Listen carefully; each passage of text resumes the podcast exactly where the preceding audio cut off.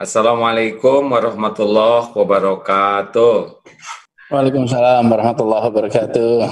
Alhamdulillahirabbil alamin. Alhamdulillahilladzi khalaqal mauta wal hayata liyabluwakum ayyukum ahsanu amala wa huwal azizul ghafur. Allahumma salli wa sallim wa barik ala sayyidina Muhammad wa ala alihi wa ashabihi ajma'in. Ya Allah berkahi majlis ini, Engkaulah yang mempertemukan kami. Engkau pula yang kuasa mendatangkan maslahat dari pertemuan ini. Lindungi kami semua dari niat yang salah, dari ilmu yang salah, dari amal yang salah. Ya Allah, jadikan setiap yang terucap semuanya atas bimbinganmu. Amin. Sehingga membuat kami semakin ingat padamu. Amin. Semakin patuh padamu. Amin. Lindungi ini dari segala kesia-siaan dan apa pun yang tidak Allah sukai. Wahai yang maha mendengar, kabulkan. Amin. Ya amin. Amin. Amin. Amin. Baik Pak Anies, menurut Pak Anies tuh kan lihat sudah diberi pangkat jabatan dalam hidup ini. Apa sih dalam pandangan Pak Anies ini jabatan kedudukan ini? Ya Allah, ini tuh kalau kalau boleh bilang ya ya uh, jabatan segala macam ini, ini tidak lebih dari amanah yang dititipkan untuk waktu yang sementara jalankan peran kekhalifahan yang harus kita tunaikan yang nanti akan dimintai pertanggungjawabannya. Jadi uh, ini tanggung jawab besar sekali. Tapi saya merasa besar itu belum tentu berat, besar kecil itu ada ukurannya. Berat ringan itu soal ridho dari Allah. Kalau dapat ridhonya, besar pun terasa ringan. Kalau tidak ada ridhonya, kecil pun terasa berat. Jadi ini satu amanah yang yang besar. Mudah-mudahan didekatkan dengan ikhlas, didekatkan dengan ridhonya, sehingga bisa dijalani dengan ringan dan mudah-mudahan bisa diterima sebagai amal kita. Insya Allah. Itu kira-kira. Masya Allah. Jadi yakinlah bahwa jabatan amanah itu Allah yang membagikan sebagai ujian, juga sebagai amanah. Ya, jabatannya tidak lama, tapi pertanggungjawabannya luar biasa di akhirat nanti, tetapi akan menjadi ringan kalau Allah menolong, membantu dengan keridoannya. Tapi yang sederhana juga jadi berat kalau jauh dari pertolongan Allah. Catat nih sahabat-sahabat sekalian, oh ya Pak Anies ini kita menggunakan Zoom. Ya. Dibolehkan ada yang daftar, ini kan asalnya Majelis Talim Aisyah yang ikut. Pas dibuka yang daftar sudah 5.600, pada kapasitasnya 1.000 ini. Tapi, oh, Masya Allah. tapi didampingi oleh semua teknologi medsos ini sekarang live di Facebook, di Instagram, di YouTube dan di MKTV secara nasionalnya. Masya Allah. Masya ya, Allah. Allah yang menyediakan. Jadi yakin ya bahwa ini amanah gitu ya. Alhamdulillah pas dengan Sambil, kajian kita. Sambil nyatet juga ya, ya. Jadi saya dapat ilmunya dari AA. Ah, ya. ini ayah mau belajar lah. Baik, karena di dalam surat Ali Imran ayat 26 itu jelas sekali ya, bukan masalah pinter, bukan masalah hebat, bukan masalah kuat, tapi masalah Allah saja mau. Kalau Allah mau, itu ilmu kamantasya, wa tangzi'ul mulka mantasya. Nah, benar Pak Anies bahwa jabatan dan kemuliaan itu dipisahkan tuh di ayatnya, ya kan? Di jabatan itu ujian, baru tuh izumantasya atau waktu mantasya ini tergantung sikap. Kalau dia sikapnya benar, baru dikasih kemuliaan. Kalau dikasih jabatan salah, baru dikasih kehinaan. Jadi paslah. Alhamdulillah. Yang kedua, Pak Anies ini kan bagaimana perasaan Pak Anies terhadap situasi yang ada sekarang ini tentang wabah ini. Apa yang terpikir, apa yang terasa? Ya, jadi kalau bicara apa yang terfikir ya ya, gini ya, ini saya jadi ingat beberapa bulan yang lalu uh, ketika mulai pertama kali ada kabar soal krisis di Wuhan waktu itu uh. Ini di ruangan ini uh, di ruangan ini saya panggil rapat seluruh jajaran. Bulan apa tuh Pak? Bulan Januari ya. Waktu itu namanya masih belum COVID, belum Corona, namanya masih pneumonia Wuhan. Waktu itu kita masih belum tahu nama Corona, nama COVID.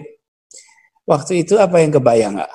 Kalau setiap kali dengar ada wabah virus di satu tempat, itu pengalaman perjalanan peradaban manusia itu potensi penularannya luar biasa. Jadi bukan bukan hal yang aneh kalau virus itu pindah gitu. Jadi pada waktu itu sudah ada kekhawatiran bila itu sampai ke Jakarta. Jadi di, di ruangan ini ya, eh, saya panggil ada imigrasi, saya panggil dari namanya Timpora, tim pengawasan orang asing. Saya minta data tentang orang-orang asing yang berada di Jakarta, khususnya mereka yang baru pulang dari Tiongkok. Saya nggak usah ceritain proses itunya sih, ya. tapi saya ingin sampaikan waktu itu udah kebayang, mudah-mudahan virus ini bisa ditangkal sehingga tidak masuk ke wilayah kita. Karena virusnya sama, manusianya sama, kalau itu kena, maka ya kita akan mengalami masalah yang sama. Mungkin kita juga sama-sama manusia gitu. Jadi yang ada di bayangan saya itu sekarang ini adalah uh, selama ini ya, bagaimana caranya menyelamatkan lebih banyak uh, rakyat Jakarta khususnya karena amanat saya di sini supaya terhindar dari itu. Jadi saya kita gunakan semua kewenangan yang ada untuk melakukan itu. Jadi dari awal tuh kita monitoring terus ah benar waktu itu kita nggak ngomong ke publik karena memang ini kan uh, kalau kita bicara ke publik malah jadi khawatir. Di awal kita panggil rumah sakit rumah sakit semua kita jelaskan ini loh gejalanya. Namanya gejala pneumonia Wuhan tuh. Kalau ada ketemu gejala gini yang harus Anda kerjakan A B C D. Udah siapin tuh. Terus kita monitoring bulan Februari itu angkanya naik terus. Ah. Sampai pada satu saat di mana saya bilang, ini tidak bisa kita diam terus. Ini harus publik tahu dan harus publik itu berjaga. Jadi waktu itu terus eh, saya sampaikan ke masyarakat dan kita ingin jaga sama-sama karena monitoring kita di seluruh dunia kan nularnya bukan antar pegawai pemerintah, nularnya bukan antar aparat, nularnya itu antar warga. Jadi kami itu ingin sekali mudah-mudahan ini terhindar dari uh, bencana yang lebih besar. Hari ini aja ya. Ini kalau kalau lihat apa uh, laporan gitu, saya membayangkan betapa beratnya yang dialami oleh mereka-mereka yang terkena. Hari ini kita ini memakamkan sampai tadi jam setengah tujuh, 47 orang yang dimakamkan hari ini. Uh, itu adalah rakyat kami, itu adalah warga kita dan bulan lalu mereka sehat, mereka beraktivitas, mereka tidak melakukan apa-apa tapi terkena dengan apa wabah ini dan kemudian e, mereka wafat. Tentu kita semua tahu umur di tangan Allah. Dan kita semua tahu ini soal waktu aja kok. Kulun nafsin dhaikatul maut, semua yang yang ada nyawanya pasti akan merasakan maut. Hanya ketika wabah ini bekerja, maka kita punya kewajiban. Paling tidak kalau kita runtut dari zaman uh, kalau ketika peristiwa-peristiwa era Rasulullah SAW, bahkan para uh, khalifah, khalifah Umar misalnya, uh, bercerita tentang bahwa kita ini harus menghindar dari satu takdir Allah, yeah. takdir Allah yang lain. Nah, ini bagian dari ikhtiar kita. Jadi yang ada di kami sekarang ini adalah bagaimana caranya bisa menghindarkan warga Umar misalnya dari bercerita bahwa kita uh, harus menghindar uh, penularan ini. Dan itu yang sekarang kita sedang ikhtiarkan dari mulai ini PSBB nih nanti habis ini selesai saya akan ngumumin PSBB nih ah. lagi lagi nunggu finalisasi uh, beberapa uh, teknis dokumen tapi intinya yang ada dalam benak saya adalah bagaimana orang warga di Jakarta bisa tenang, bisa terbebas dari wabah ini, dan bisa berkegiatan seperti semula, kembali bekerja, kembali beraktivitas, uh, dan bisa uh, kembali melakukan kegiatan yang yang keseharian. Masjid itu sepi, datang ke masjid itu uh, sunyi, rasanya seperti sesuatu yang tidak pernah terbayangkan. Nah, kita harus jaga semangat. Insya Allah, insya Allah kita sudah pernah melewati masa-masa yang sulit dan insya Allah kali ini kita akan bisa melewati masa ini juga dengan sebaik-baiknya. Gitu, ah. Alhamdulillah, Alhamdulillah. Memang bagi siapa pun yang dibukakan hati oleh Allah akan tetap optimis dalam segala situasi yang karena bersamaan dengan Allah memberikan kepahitan bersamaan itu pula Allah memberikan kelapangan. Fa inna ma'al usri usran inna ma'al usri usra jadi satu kesulitan itu kan sesungguhnya diapit oleh dua kemudahan. Uh, yang beruntung itu adalah orang yang dalam kesulitan dibimbing oleh Allah melihat celah kemudahan dan kelapangan. Masya Sehingga baik. Uh, ya mohon maaf ya kalau yang yang terbatas ini koneksinya nih. Kita ini sekarang udah saling maklum ah, semuanya pada pakai Zoom dan pasti oh. apa namanya bebannya besar tuh di, ya. di kita. Baik, Pak Anies, kembali sedikit gimana nih menjaga kesehatan? Sekarang kan di mana-mana orang bawa virus. Apa yang terpikir dan apa yang dilakukan? Iya, itu sebabnya kita kita kan uh, lihat ya dari banyak tempat pelajaran penting. Meskipun tadi A juga bilang kelihatannya sekarang semua orang udah ahli COVID. A. Uh, banyak dokter COVID dari WhatsApp University. Yeah. Jadi kita semua belajar tuh dari universitas WhatsApp. Uh, tapi sebenarnya yang paling penting uh, ini ya, pertama uh, sadar bahwa virus ini itu menularnya lewat orang. Jadi kalau ada interaksi antar orang, maka ada potensi penularan. Kemudian karena itulah kurangi penularan penularan itu. Terus yang kedua, bagi kita sendiri semuanya rutin cuci tangan pakai sabun. Karena kita tahu virusnya nggak tahan dengan deterjen. Lemak-lemaknya tuh rontok kalau kena deterjen. Jadi lakukan itu. Terus ah, ini ada yang penting. Ah. Uh, kita lihat uh, di Jakarta aja ya Kak ah, ya. Yang, yeah. yang sampai fatal ketika kena uh, coronavirus ini itu orang-orang yang rentan kelompok rentan ini harus kita jaga. Jadi keluarga-keluarga kita, kalau di situ ada salah satu dari orang-orang yang satu lansia, usianya di atas 60 tahun. Ini A, 61 persen yang meninggal adalah orang tua. Hmm. Di atas 60 tahun. Jadi karena itu, saya berkali-kali menganjurkan, di masa wabah ini, anjurannya aneh sih, A, tapi ini harus dianjurkan. Hmm. Di masa wabah ini, jangan cium tangan orang tua dulu. Jangan peluk orang tua. Hmm. Jangan pegang orang tua. Jangan deketin orang tua. Aneh kan ini kan kita semua orang tua harus cium tangan. Semua orang tua harus mengungkapkan rasa hormat, sayang. Tapi di masa COVID ini, kalau sayang orang tua, kalau mencintai orang tua, ingin menyelamatkan orang tua, jaga jarak dari orang tua. Jadi ini ini rumus yang agak Waduh. aneh tapi saya 58 tahun nih, saya udah 58, Pak ini udah rada deket dengan 60 nih. Apa anak-anak gak boleh cium tangan sekarang nih? Jadi itu jangan dulu. Ini tuh ya Allah. Iya, ya. lanjut, lanjut, lanjut Pak nih, lanjut. Jadi saya mau bilang pada semuanya, kalau di rumah ada orang tua, maka jaga itu. Apalagi kalau habis pergi, udahlah pergi cuci tangan dulu dan lain-lain, jangan dekat-dekat dulu sama orang tua. Terus yang kedua adalah orang-orang yang punya penyakit bawaan. Ah, ini yang yang banyak kejadian. Jadi ada yang diabetes, ada yang asma, ada yang penyakit jantung, ada yang uh, kemudian penyakit tekanan darah tinggi. Jadi ada 5-6 penyakit bawaan yang kalau uh, orang itu kena uh, tertular, maka potensinya akan uh, cukup bisa fatal. Karena itu dari apa yang kita lihat data-datanya menunjukkan begitu. Jadi sekarang ini ya kita menjaga kita semua sama bantu jaga yang kelompok rentan ini. Tapi gini ya, ini 80% orang yang terkena ringan sih. Cuma 20% berat gitu.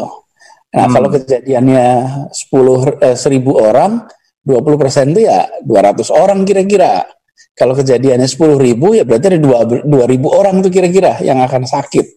Jadi itu sebabnya kenapa eh, kita harus jaga karena gini ah, rumah sakit kita ini ada batasnya, jumlah tempat tidur juga ada batasnya. Kalau ini dibiarkan uh, tumbuh menular, nanti uh, tingkat fatalitasnya tinggi. Sebenarnya karena nggak bisa tertangani oleh rumah sakit. Hmm. Itu yang terjadi di banyak tempat. Jadi pada tidak tertangani. Jadi sekarang ini bagian kita ikhtiarnya. Kita pasti harus pastikan bahwa kita ikut tanggung jawab. Saya tadi ada yang tanya, uh, Pak Gub itu kan besok mulai dibatesin. Nanti kalau orang melanggar, kalau ada yang melanggar gimana? Saya bilang, ini kan bukan kayak peraturan untuk pemerintah ya.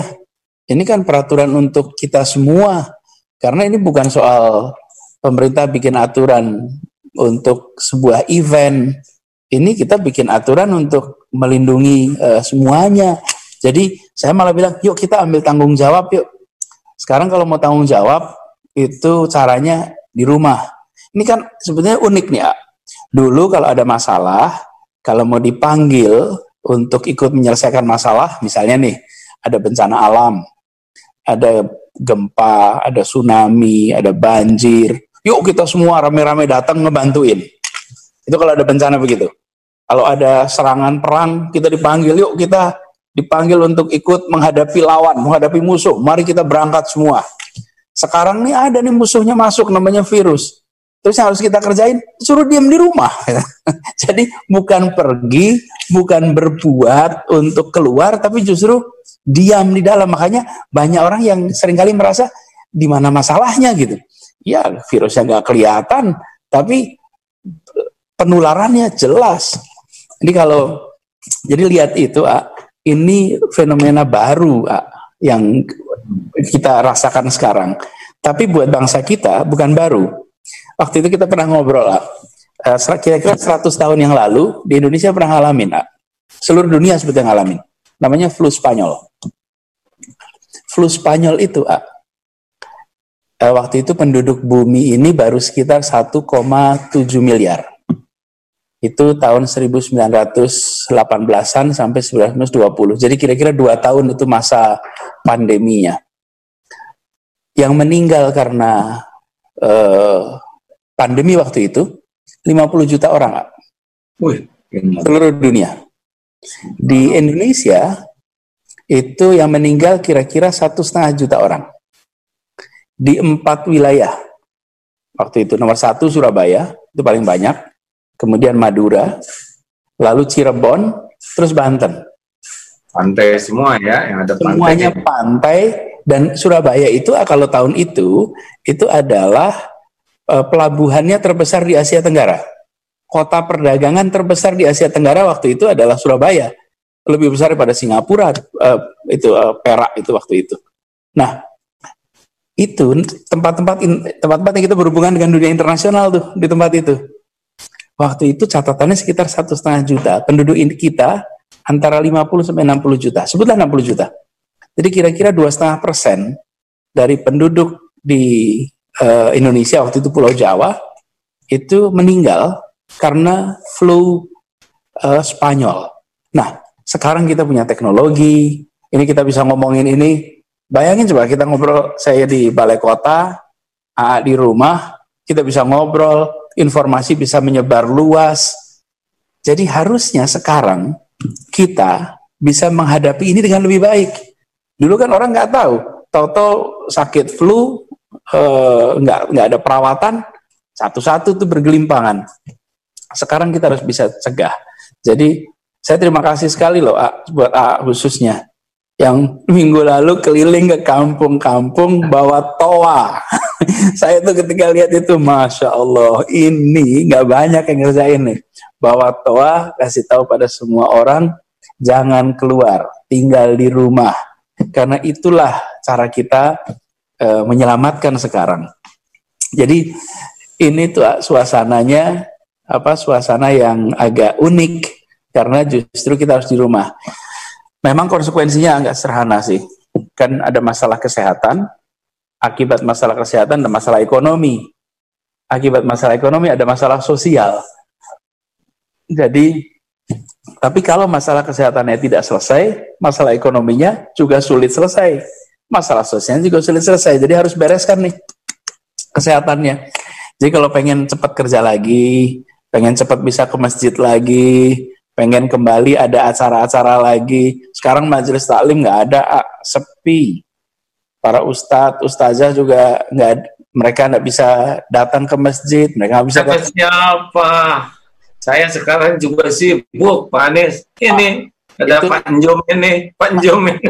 Aduh, gimana mana Tapi sekarang lebih canggih lagi nih, undangannya tuh dari Vancouver, Majelis Talim Njom sana dari Amerika, dari Turki, dari berbagai Eropa sekarang kelompok-kelompok tinggal di rumah ini nganggur jadi maunya majelis taklim.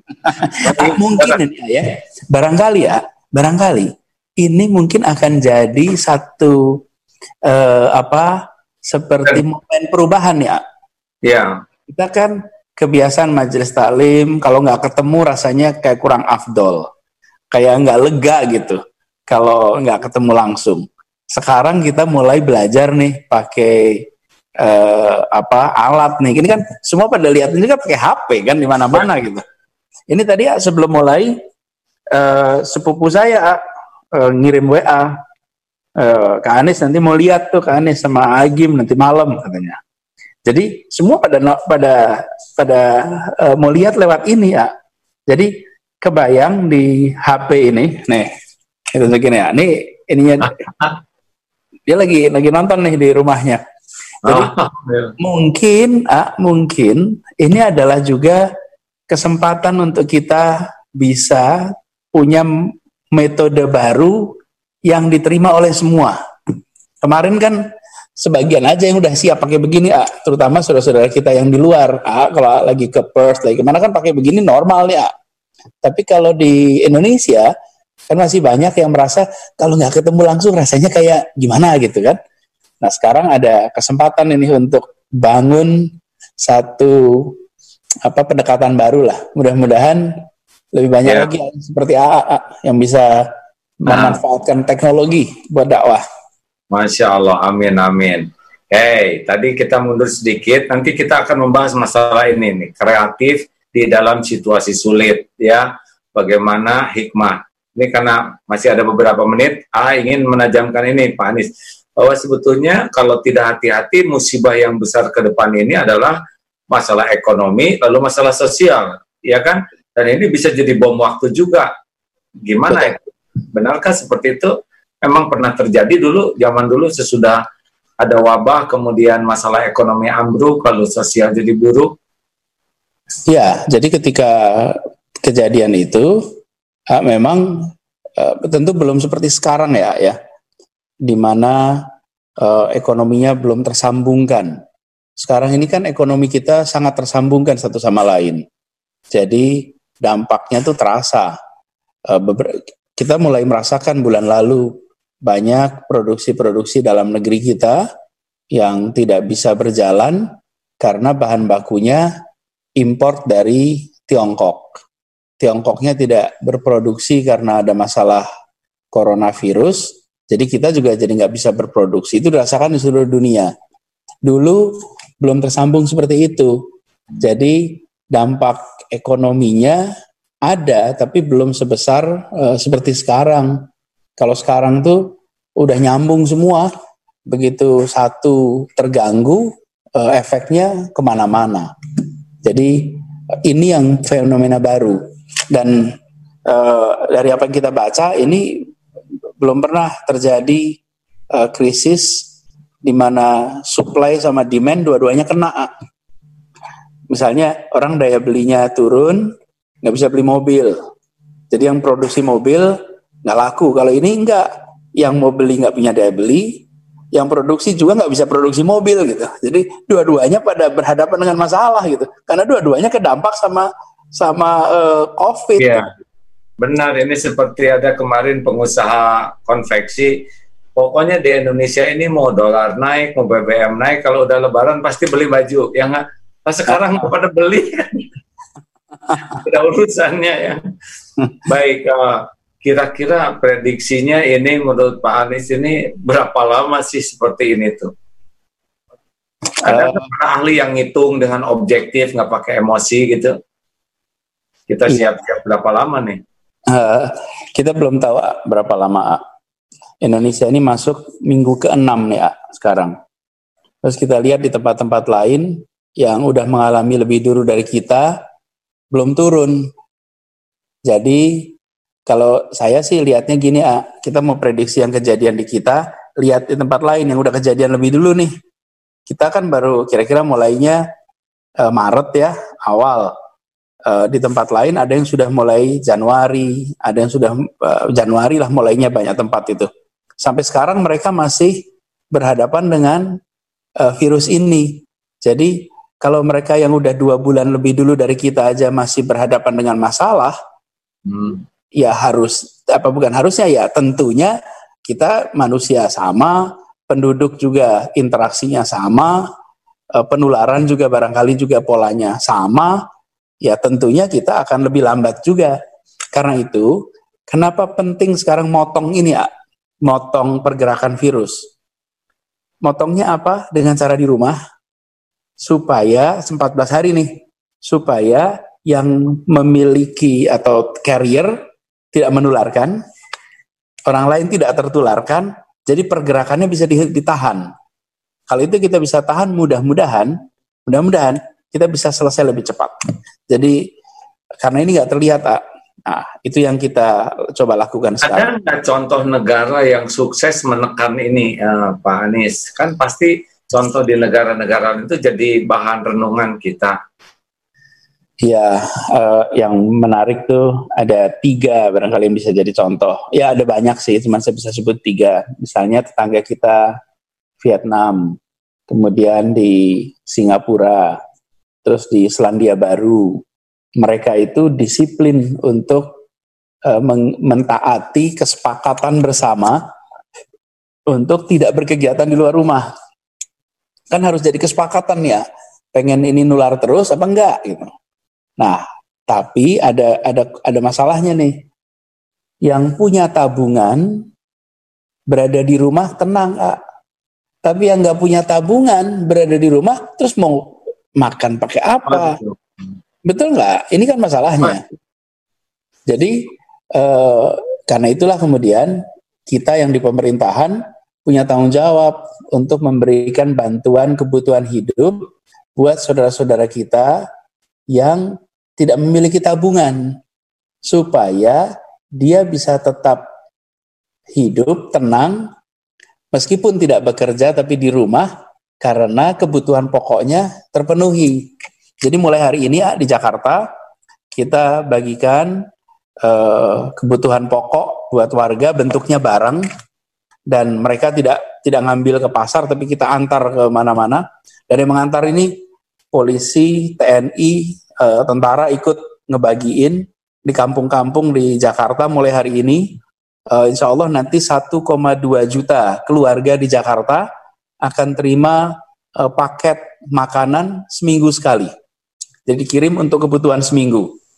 Kirim lagi untuk kebutuhan seminggu. Jadi setiap paket seminggu apa aja paketnya tuh Pak? Paketnya ya saya baca ntar ya biar nggak biar nggak ketukar ininya.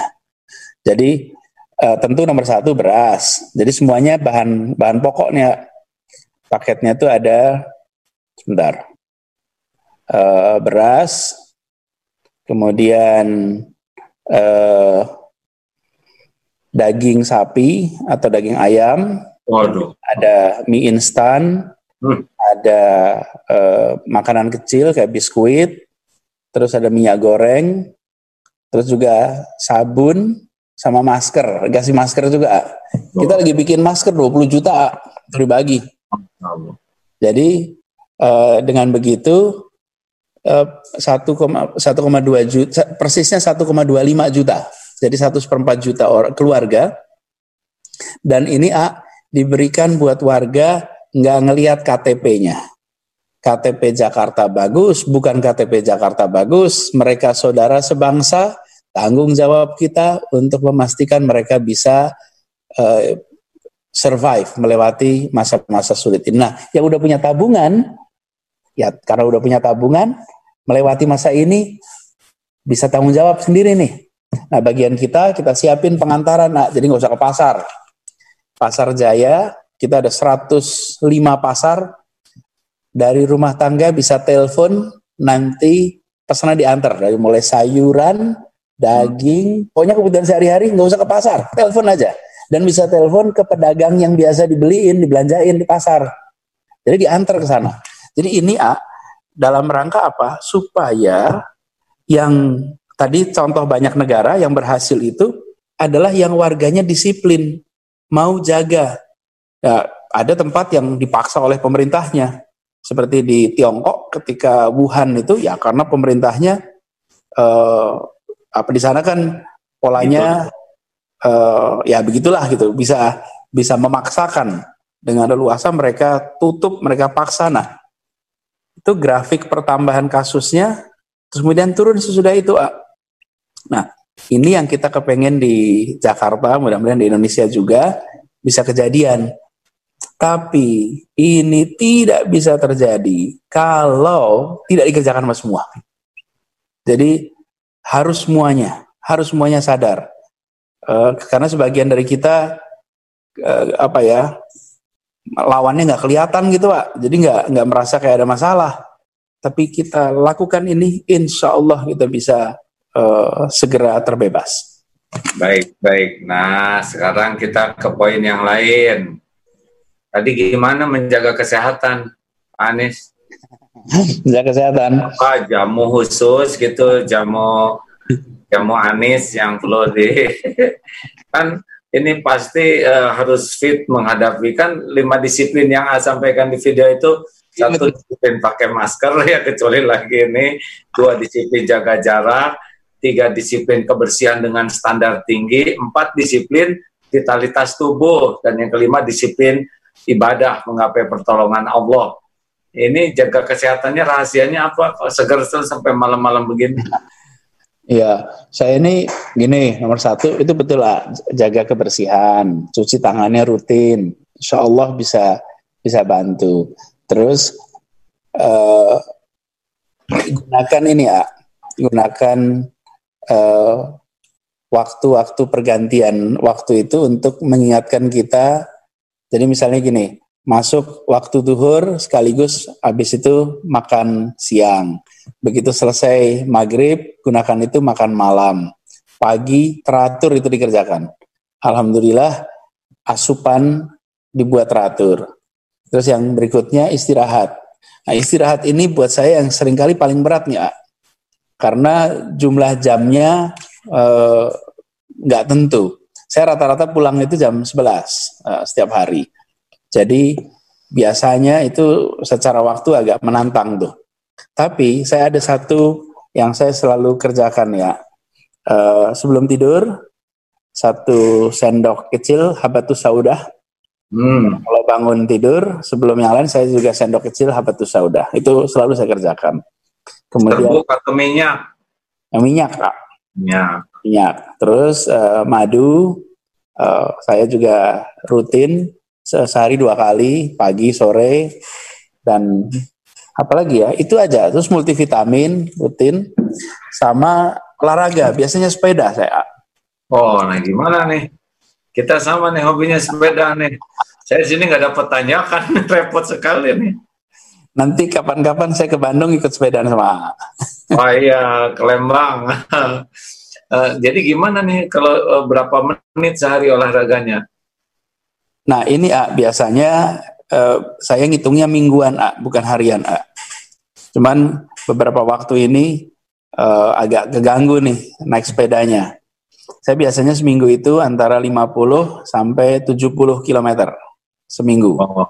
Tapi tergantung, ada hari bisa naik sepeda panjang, ada hari bisa naik sepedanya pendek. Jadi nggak nggak dihitung harian, tapi hitungnya mingguan. Iya iya, jadi kan sehat itu makanan seimbang, minum 2 liter. Bawa itu enggak? Biasanya bawa alat ukuran minum, kalau saya pakai alat ukur minum nih. Nah, seperti ini. Iya, Baik nih. Nih, saya kalau di kantor pakainya gini nih ya. Wah, iya. 2 liter katanya minimal ya. Minimal 2 liter. Ini segini nih berapa nih kira-kira 250 mili nih? Lebih, lebih, lebih itu di atas 300. 300 nah, ya? Ya ya jadi kalau sehari, sehari dapat 8 10 itu udah bagus katanya begitu. Oke baik. Sekarang saya mau nanya tentang keluarga Pak Anies. Melihat Pak Anies begini apa keluarga tidak cemas kan di Inggris pada Menteri Inggris kena tuh dan sebagainya. Gimana keluarga nih dengan hak keluarga dengan kesibukan begini? Iya, jadi memang di rumah tuh anak empat satu perempuan, dua laki-laki, eh tiga laki-laki, terus memang jadi gini, saya ini kalau ketemu mereka biasanya pagi ya, pagi-pagi setelah uh, sebelum mereka berangkat sekolah itu kita waktunya kita ketemunya itu pas selalu pagi. Terus karena malam saya seringnya pulang malam, kemudian uh, Sabtu Minggu, uh, Sabtu Minggu itu sering di, diselipkan supaya selalu ada kegiatan sama-sama mereka. Jadi memang tanggung jawab di uh, pemerintahan ini, apalagi tanggung jawabnya kan wilayah ya ya. Dulu saya pernah tugas di kementerian. A. Kalau di kementerian itu satu urusan, waktu itu urusannya pendidikan, tapi seluruh Indonesia. Kalau sekarang satu wilayah tapi semua urusan. Jadi kalau sekarang itu dari mulai urusan eh, kehamilan sampai pemakaman tuh yang kita urus. Dari mulai urusan eh, gorong-gorong sampai urusan pencakar langit. Itu eh, urusannya. Jadi memang dari sisi waktu uh, cukup menantang. Tapi ya ini saya harus sampaikan. Kalau tidak didukung oleh uh, istri khususnya Ferry saya sulit sekali bisa mengerjakan ini semua karena dia yang menjadi jembatan untuk selalu menghadirkan dengan anak-anak. Dan alat ini apa uh, eh, HP ini itu jadi penghubung betulan seperti kita sekarang bisa ngobrol. Hmm. Jadi uh, sepanjang hari itu bisa telepon, bisa video call, bisa ngobrol. Bahkan kalau lagi ngerjain PR ada pertanyaan, telepon saya, nyalain videonya, kita ngobrol. Jadi secara fisik memang uh, ada kendala posisi ya, nggak mungkin bisa bersama. Tapi ketersambungan, alhamdulillah uh, dijaga terus. Nah ini yang kita coba apa kerjakan selama ini. Jadi Dan keluarga ridho ya dengan keterbatasan waktu oh, Pak Anies seperti itu. Iya, alhamdulillah. Jadi tentu kan mereka juga kan kepengennya bisa bareng-bareng. Saya juga kan pengen bareng-bareng. Ah, tapi dengan situasi seperti apalagi situasi sekarang, situasi sekarang ini uh, cukup cukup apa uh, menantang. Jadi di kantor pun meskipun saya ini di balai kota, tapi praktis uh, pertemuan-pertemuan juga berjarak. Terus uh, mayoritas juga pakai uh, Vicon seperti sekarang. Jadi cuman berada di kantor supaya bisa leluasa mengerjakan banyak hal di sini. Baik, jadi urusan nah sekarang urusan ini nih bagaimana upaya supaya Pak Anies supaya ditolong Allah dalam menghadapi ini? Ah, nggak berhenti doa.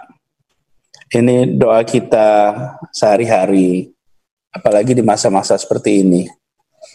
Tidak ada yang bisa menolong kita selain Allah.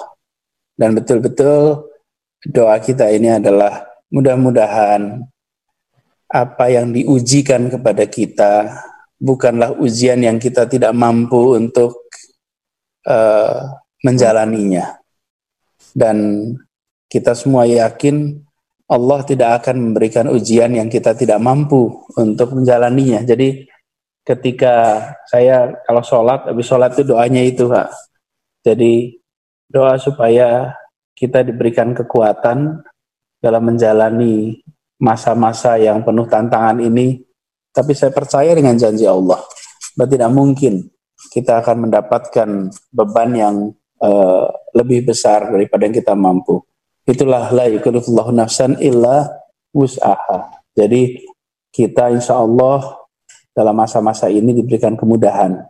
Dan saya percaya bahwa apa yang dikerjakan oleh bangsa kita juga kita ini di semua tempat. Kalau saja tidak ada kiriman doa seperti yang terjadi selama ini, mungkin kita tidak akan merasakan uh, kemudahan-kemudahan, solusi-solusi yang kita temui. Saya pernah ceritakan waktu itu sama waktu kita ngobrol di mana Istiqlal. Saya itu jalanin amanat di Jakarta ini, itu sering sekali merasakan ketemu uh, penyelesaian dengan cara yang tidak pernah diduga sebelumnya. Ketemu dengan uh, jalan keluar yang sebelumnya buntu dan itu tidak pernah terbayangkan. Itu yang saya selalu bilang, ini ya pertolongan Allah itu datang dengan cara-cara yang tidak terduga. Ini dari mana ya? Insya doa. Dan satu lagi yang penting yang saya selalu uh, apa uh, mintakan A, doa ibu A. Saya hampir tiap hari akan telepon ibu saya di Jogja A. Di Jogja uh, beliau masih mengajar. Jadi kalau pagi biasanya sambil berangkat kantor, saya telepon di jalan. Uh, di mobil nih sambil berangkat. Dan nelpon itu tentu tanya kabar, uh, dengar cerita, terus sambil minta didoain supaya harinya jadi lancar. Dan masya Allah doa ibu itu luar biasa. Paling nggak itu yang saya alami uh, selama ini. Jadi uh, itu saya lakukan hampir tiap pagi. Kalau udah di mobil, masuk mobil perjalanan ke kantor, ya itulah saatnya nelpon untuk uh, telepon ibu. Itu uh, barangkali ya. Aduh, jadi sedih karena ibu saya sekarang udah nggak ada. Betul, memang senjatanya itu doa ibu ya, masya Allah. Jadi Pak Anies yakin bahwa ujian ini pasti sudah diukur oleh Allah. Juga yang bisa menghilangkan semua ujian ini pasti hanya Allah. Dan kita hanya ikhtiar, ikhtiar juga ngarap-ngarapnya, ngarap-ngarap pertolongan Allah. Memang inilah sebetulnya yang harus kita dahsyatkan di seluruh masyarakat itu jangan sampai kita sibuk dengan ikhtiar sampai lupa kepada yang menciptakan virus. Ya, virus mah nggak punya pilihan, mereka kan cuma bertasbih saja virus itu. Kena kepada siapa, itu juga Allah yang menetapkan. Kemudian ya kalau besar sih harapan bahwa adanya virus ini membuat kita teh jadi makin yakin kepada kekuasaan Allah, kebesaran Allah. Jangan sampai sibuk dengan virusnya, lupa kepada pencipta dan penguasanya. Ah, Pak Anies, ini 15 menit sisanya ini kita buka tanya jawab ya. Ini pada nyesek nih. Yang niat nanya, tidak kebagian nanya berarti pahalanya ber, bertambah ya, pahala sabar. Silakan, silakan. Ayo, teman-teman. Jarang nih silaturahim. Pak Faruk, silakan. Siapa yang sudah siap?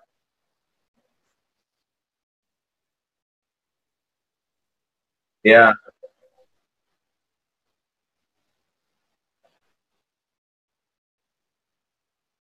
Ya, yang sudah siap tadi itu Pak Faruk.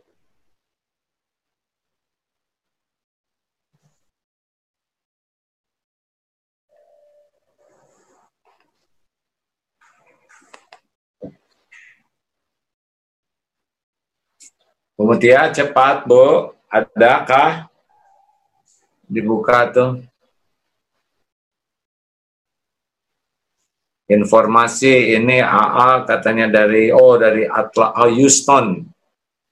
Untuk bantuan 150 ribu per paket ada kontak info bank rekeningnya teman-teman. Jadi Anies nih AA eh, nyoba kemarin itu pada patungan nasi di nasi untuk makan siang. Wah ternyata yang gojek-gojek kan gak ada penumpangnya sekarang jadi mereka untuk cari penumpang aja susah dapat makan siang. Alhamdulillah kemarin mencoba nih di sini ya Allah istighfar gitu kan. Kalau istighfar tuh tiga hasilnya Satu, Allah akan melapangkan dari kesempitan hati. Yang kedua, wa min kulli doikin makhrajan, pasti akan ada jalan keluar, pasti itu ya dari apa pun masalahnya, asal kita banyak istighfar dengan sungguh-sungguh. Dan yang ketiga, warazaqahu min haitsu la yahtasib. Allah akan memberikan kejutan-kejutan seperti yang tadi Pak Anies katakan itu. Memang rahasianya adalah air mata tobat.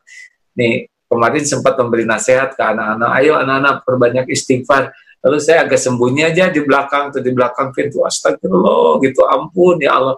Eh tiba-tiba HP bunyi ini. Saya agak jarang angkat sebetulnya karena tidak dikenal. Eh pas bunyi teh AA. Dengan siapa ya? Bisa nggak minta tolong? Ada apa? Kami punya seribu paket sembako katanya. Alhamdulillah ya. Jadi Masa. ya Allah kita lagi berusaha mengumpulkan tiba-tiba seorang ngasih seribu paket sembako, beras, minyak dan sebagainya. Nah, jadi memang uh, istighfar itu dahsyat sekali. Halo, sudah siap masuk nih? Ada juga yang nanya nih.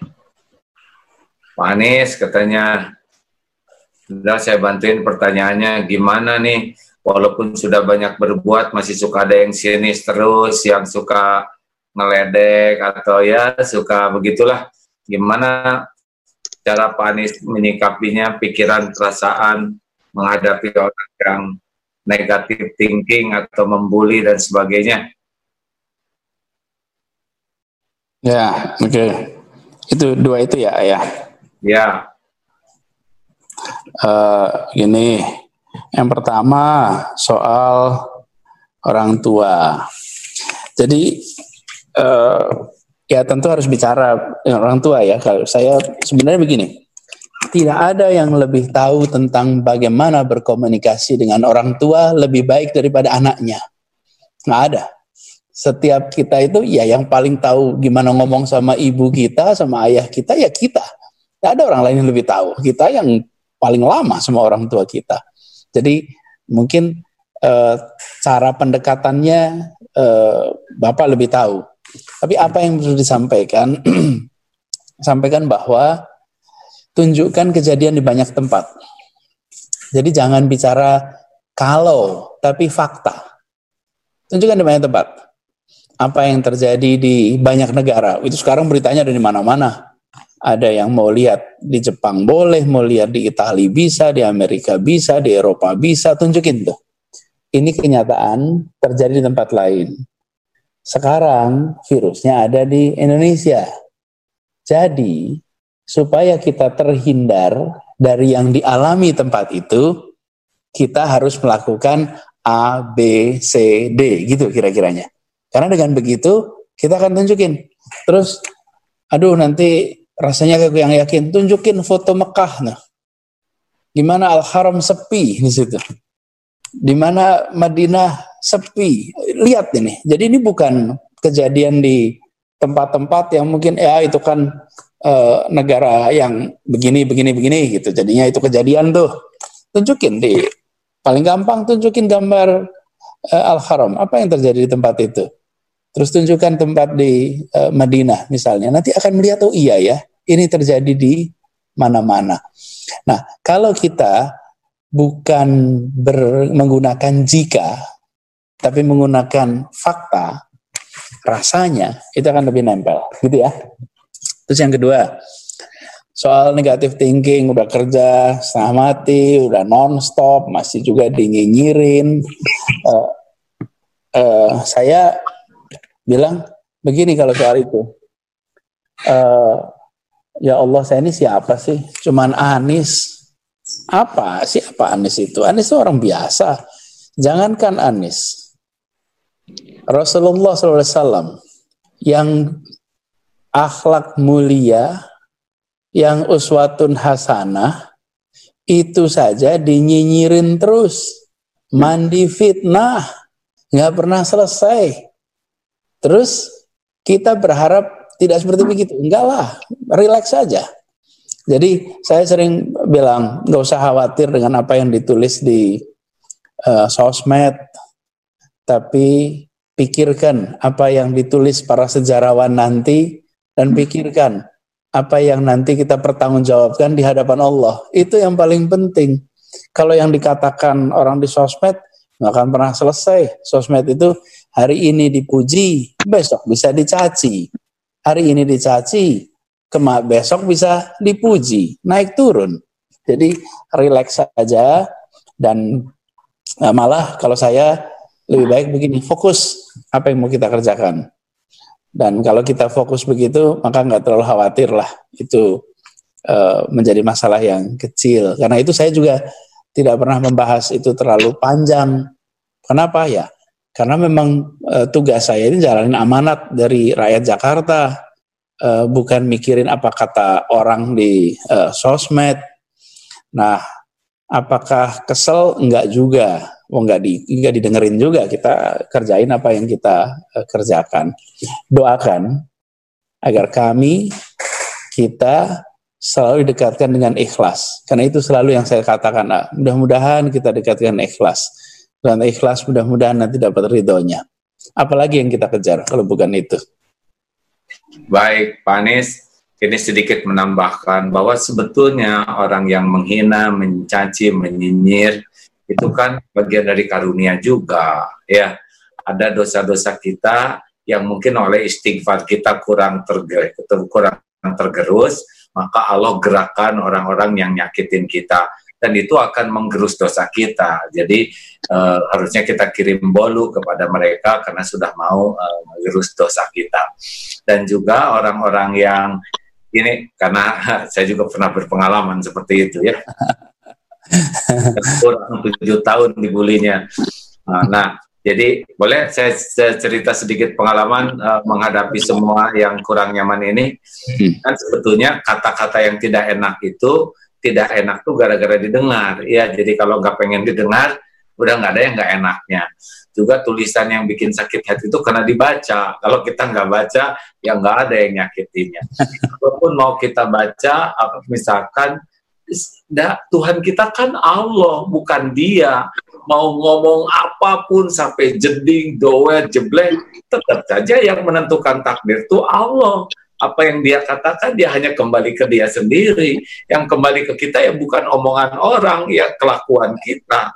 Makanya mau ngomong apa pun, sehebat apa pun, yang ngatur takdir itu Allah tidak ada kaitannya nah Allah tidak diatur oleh omongan orang ya jadi ah kalem aja kalau saya mah belajarnya PDLT namanya Pak Anies apa itu? Perbaiki diri dan lakukan yang terbaik. Lillahi ta'ala.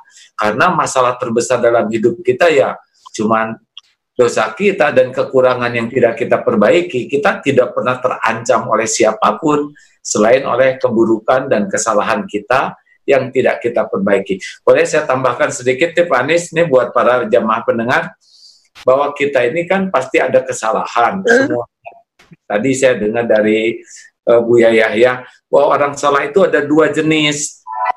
Satu, ada orang salah yang tidak akan jadi baik, sulit sekali jadi baik, dia salah, tapi ini bekal-bekal sulit sekali jadi orang baiknya. Dan yang kedua, orang yang salah bisa jadi baik. Nah, kenapa orang yang salah ini bisa jadi baik? Dia karena dua hal. Satu, karena dia tidak tahu kesalahannya, dia melakukan salah karena dia tidak tahu, maka ketika diberitahu, dia jadi berubah atau dia sudah tahu tapi lagi hilaf. Nah, ketika dia diberitahu, maka dia akan berubah menjadi sadar. Nah, yang repot ini yang ini nih, dia salah tapi tidak merasa salah dan merasa benar terus. Nah, orang seperti ini, orang takabur ini mau diapain juga susah karena dia tidak ada pintu untuk membuat kesalahan sendiri. Nah, makanya kalau ada orang-orang yang ngoreksi kita itu ya bagian karunia dari Allah lah. Karena mungkin dengan hadirnya mereka kita dapat contoh oh kalau gitu teh nggak bagus. Kita dapat penggugur dosa kita dapat evaluasi diri dia mau ngangka ah, banyaklah kebaikannya. Makanya doakan kebaikan saja. Gitu ya. Ya bonus nih tiga menit terakhir. Boleh saya lihat ini pertanyaan terakhir? Ah ada pesan-pesan terakhir. Mana? Dari grup Aisyah dari tadi? Assalamualaikum. Ini pesannya dari siang nih Pak Anies. Assalamualaikum. Waalaikumsalam warahmatullahi wabarakatuh. Assalamualaikum AA Pak Anies. Iya, Waalaikumsalam warahmatullahi Langsung uh, Bu. Saya, iya, yang terima kasih Pak Anies, AA. Saya Ibu Mutia, jamaah Majelis Taklim Aisyah uh, di Pondok Cabe Pamulang, ingin bertanya kepada Pak Anies. Maaf Pak Anies, uh, bagaimana jurus atau tip Pak Anies menata hati dan punya stok sabar yang luas banget. Itu saja Pak Anies. Terima kasih Pak Anies dan AA. Wassalamualaikum. Punya stok sabar yang luas, gimana itu nyetoknya? Iya, uh, stok sabar ya. Ini uh, bagus nih istilahnya. Ada stok sabar. baru, baru dengar juga stok sabar ini. Ya, terima kasih Bu Mutia. Saya belajar baru nih jadinya ada stok sabar. Jadi uh, sebetulnya kalau kalau saya sih melihatnya sederhana ya. Kalau ada orang menyampaikan kritik seperti yang tadi bilang, Alhamdulillah, untung diingetin Coba nggak ada yang ngingetin e, gimana kita bisa mastiin kita melakukan hal yang benar gitu. Terus yang kedua, e, ya harus sadar bahwa saya bertugas di wilayah publik. Kalau di wilayah publik itu ngurusin orang banyak, nggak bisa milih bahwa yang ngomong itu ngomongnya tertata, baik, sopan, ada juga yang ngomongnya nggak sopan, nggak tertata, eh, nggak uh, enak kalau didengerin. Ya itulah uh, masyarakat kita. Ya itulah potret dan ini bukan barang baru. Jadi kalau berada di wilayah publik, ya harus siap dengan segala macam karakter orang. Saya kasih contoh nih, kalau di kampus jadi dosen itu relatif enak karena pasti ketemu mahasiswa mahasiswa itu udah sekolah SD, SMP, SMA. Mereka sampai di sana juga pertanyaannya baik. Tapi coba bayangin kalau jadi dokter. Dokter kan nggak bisa milih pasiennya orang sekolahan. Hanya orang yang terdidik, hanya orang yang sopan. Enggak, dokter ketemu dengan segala macam orang. Dan dia harus siap dengan segala macam karakter orang.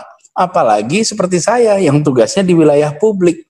Dari awal harus sudah mulai dengan bilang sadar bahwa saya akan ketemu dengan segala macam karakter karena itu ya biasa aja nggak usah nggak usah khawatir gitu dan Jangan baperan gitu ya baperan biasa aja dan gini kebetulan ya saya ini pernah nge-tweet udah lama nih ya mungkin 2000 udah lama lah saya nggak inget tahunnya mungkin 2012 2013 udah dulu saya waktu itu nulis begini kalau jadi pejabat publik maka harus siap jadi kotak pos keluhan sampai cacian. Ya itulah kotak posnya gitu. Jadi harus siap. Saya sampai ini ngutip juga. Saya mau bilang gini. Yang penting prinsipnya dipuji tidak terbang, dicaci tidak tumbang. Oh, relax saja. Jadi hmm. kalau dengan cara begitu, kalau ada pujian tenang saja, kalau ada cacian juga biasa saja.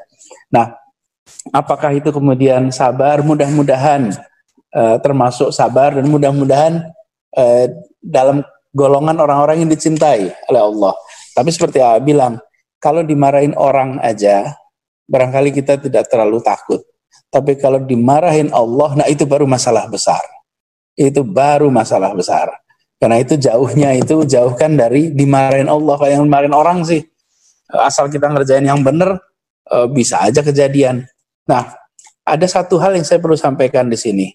Ketika berada di wilayah publik, ya, eh, maka kita harus punya tanggung jawab ekstra di dalam komunikasi, di dalam menyampaikan pandangan, di dalam karena bukan hanya soal eh, misalnya kebijakannya saja, bukan soal keputusannya saja, tapi sesungguhnya kita itu uh, jadi ton, jadi rujukan apakah untuk dicontoh, apakah untuk jangan dicontoh.